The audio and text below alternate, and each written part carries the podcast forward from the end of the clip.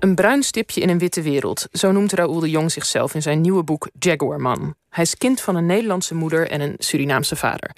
Maar eigenlijk wist hij lange tijd van die Surinaamse roots en Suriname in het algemeen niks af, omdat hij opgroeide zonder zijn vader.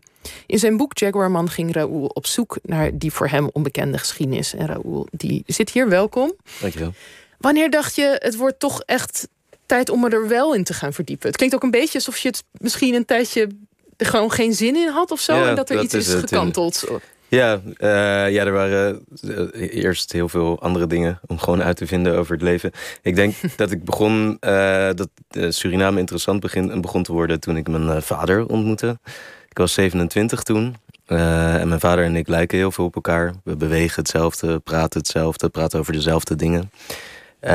Ja, dat maakte me nieuwsgierig naar wie was dan zijn vader en wie was zijn vaders vader. En wat is dat land waar ze vandaan komen en waar- waarom weet ik daar zo weinig over eigenlijk? Ehm, ja, dus ik ben toen gaan zoeken naar boeken over de geschiedenis van Suriname. Ik wist weinig over de geschiedenis van Suriname. Eh, ik wist wat je ja, weet als gemiddelde Nederlander. Dat is niet heel veel. Ik was toevallig nog een paar dagen geleden op een middelbare school. Toen vroeg ik of dat tegenwoordig of ze meer les krijgen over Suriname. En het is eigenlijk hetzelfde als toen ik op de middelbare school zat. Gewoon bijna niet. Ehm, ja, dus ik ben gaan zoeken. Eh, ik ben naar een tweedehands boekwinkel gegaan. Daar hadden ze één boek over Suriname. Over Daisy Bouterse, geschreven door eh, twee witte Amsterdamse eh, studenten. Het ging eigenlijk over alles wat niet deugde aan de Surinaamse politiek.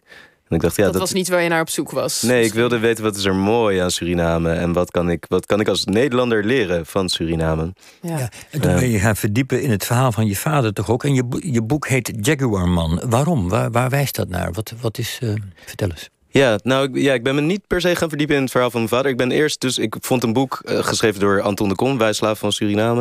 Het heeft natuurlijk, jullie kennen dat natuurlijk. Het heeft de laatste tijd meer aandacht gekregen. eh, maar ik kende dat helemaal niet. En dat vertelde voor het eerst die hele geschiedenis van Suriname. En het vertelde hoe duister die was. En het vertelde ook eh, hoeveel het te maken heeft met nog steeds Nederland nu.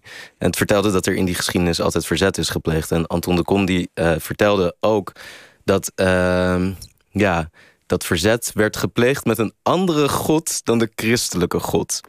Eh, maar hij gaf de naam van die god niet. En na het lezen van dat boek dacht ik, maar dat is wel precies de god die ik wil vinden. Het zou een goed idee zijn om die god te vinden. Niet alleen voor mij, maar gewoon voor de hele wereld.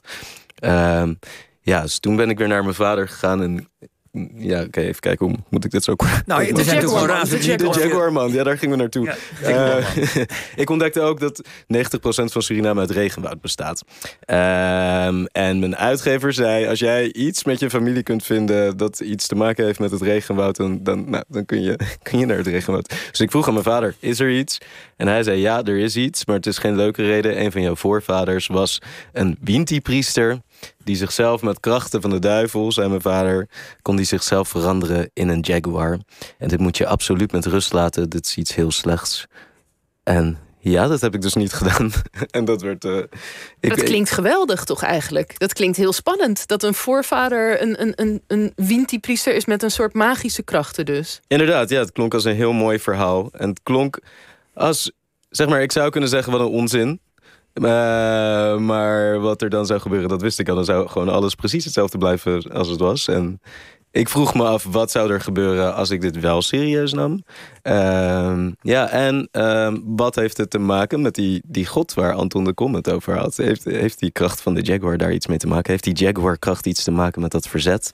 wat is gepleegd in de geschiedenis van Suriname? En heeft het iets te maken met hoe mijn voorouders... die verschrikkelijke geschiedenis hebben overleefd... en eh, waardoor ik het leven kreeg uiteindelijk. En je, je gaat natuurlijk niet, bedoel, een tipje van de sluier. Je kan niet alles erover vertellen, maar had het daar inderdaad mee te maken? Heeft het jou, eh, die, die Jaguarman, had die iets te maken met, met dat verzet tegen de, de Ja. slavendrijvers? Wel, uiteindelijk, ja. Als je gaat zoeken naar eh, de verhalen die mensen zelf hebben verteld... over hoe ze de geschiedenis hebben overleefd. In de Nederlandse archieven kom je geen verhalen over Jaguar-krachten tegen. Daar kom je eigenlijk alleen nummertjes en cijfertjes tegen. Maar als je zoekt naar ehm, ja, teksten die geschreven zijn... door eh, nou, mensen die de slavernij hebben overleefd...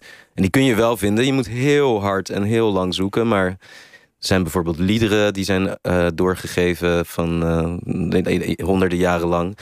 Eh, je kunt tempeltjes vinden in het Surinaamse regenwoud. En ehm, ja, en uiteindelijk kom je dan bij de kracht van de Jaguar. Die heeft dus veel te maken met, met hoe mensen uh, de, die, die duistere geschiedenis hebben overleefd. Um, ja. Nou ja, want bijvoorbeeld, was dat dan een soort metamorfose of zo die ze ondergingen? Of, of ik weet ik niet, misschien is het voorbeelden te concreet. Uh. Nee, uh, bijvoorbeeld het eerste wat ik uitvond is dat uh, ja, er waren een aantal volken die oorspronkelijk Suriname bewoonden. Eén volk was, waren de Arowakken. En Arawak, dat komt van een woord wat jaguar betekent. Ah, ja. Dus dat was het eerste, de eerste hint dat, oh, deze zoektocht is geen onzin. Ik kan hier dingen vinden. Um, ik vond een boek uit 1907, geschreven door gebroeders Penar, over een andere, de, over de Caraïben, een ander, andere, ander volk wat oorspronkelijk Suriname bewoonde. Daarin staat dat de Caraïben zelf vertellen dat zij vochten met de kracht van de jaguar tegen de, de mensen, de vreemde bezoeker die op een dag aan hun kusten ver, verscheen. Ook um, de medicijnmannen, de meest krachtige medicijnmannen van de oorspronkelijke bevolking van Suriname. En eigenlijk van alle inheemse volken in uh, Zuid-Amerika. Daarover wordt gezegd dat die meest krachtige uh, medicijnmannen de kracht hebben om zichzelf in een jaguar te veranderen. Want de jaguar was een soort van um, ja, het dier wat het meest was aangepast aan, aan het regenwoud. Ja. Uh, dus het was een soort symbool voor mensen die met dat regenwoud konden praten. Ja, dus, en, en nu ja. is die, die zoektocht naar de Jaguar, eh, naar dat mysterieuze figuur die jij hebt gemaakt en waar je overigens prachtig over vertelt, voor de duidelijkheid. Uh, brengt die, die, die, zit daar ook een andere vraag achter, wat jou betreft? Het is ook een soort onderzoek naar de positie van Suriname en de Surinaamse geschiedenis. En hoe wij daar naar kijken, hoe je er zelf als kind van kijkt. Of niet? Of mm, even kijken. Ja, wel. Nou ja, ik, wil, ik wilde gewoon weten hoe hebben, hoe, door welk wonder heb ik dit leven. Het eerste wat je ontdekt als je die geschiedenis gaat bestuderen is hoe verschrikkelijk die was. En het tweede wat ik dacht was ja, maar ik besta wel. Dus mensen hebben overleefd. Dus er moet ook een enorme levenskracht te vinden zijn in die geschiedenis. Niet alleen duisternis. En wat was die levenskracht? En wat kunnen we daarvan leren? En kunnen we die misschien ook gebruiken om ja, uh, de toekomst een beetje mooier te maken om dit soort dingen niet uh, meer te laten gebeuren. Uh, ja, dus daar heb ik naar gezocht. In de hoop dat ik iets zou vinden wat niet alleen mij iets zou leren, maar iedereen. Ja, dus daar, dat is wat ik, uh, wat, ik, uh, wat ik heb onderzocht. En ja, ben, ben, ben je nou eigenlijk ook een uh, Winti, hoe noem je dat, een gelovige geworden? Binnen, of Zo, gaat dat te ver? nou ja, ik ben dan wel benieuwd. Hoe, hoe serieus is die Jaguarman voor jou geworden?